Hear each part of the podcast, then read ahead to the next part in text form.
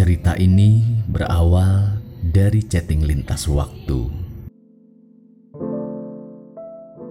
UG di tahun 1999. Widi di tahun 2004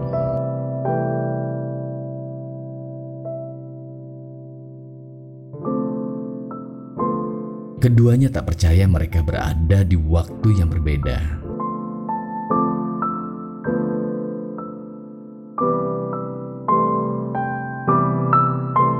Hingga Uge mendatangi Widi. Ternyata dia memang datang lima tahun lebih cepat.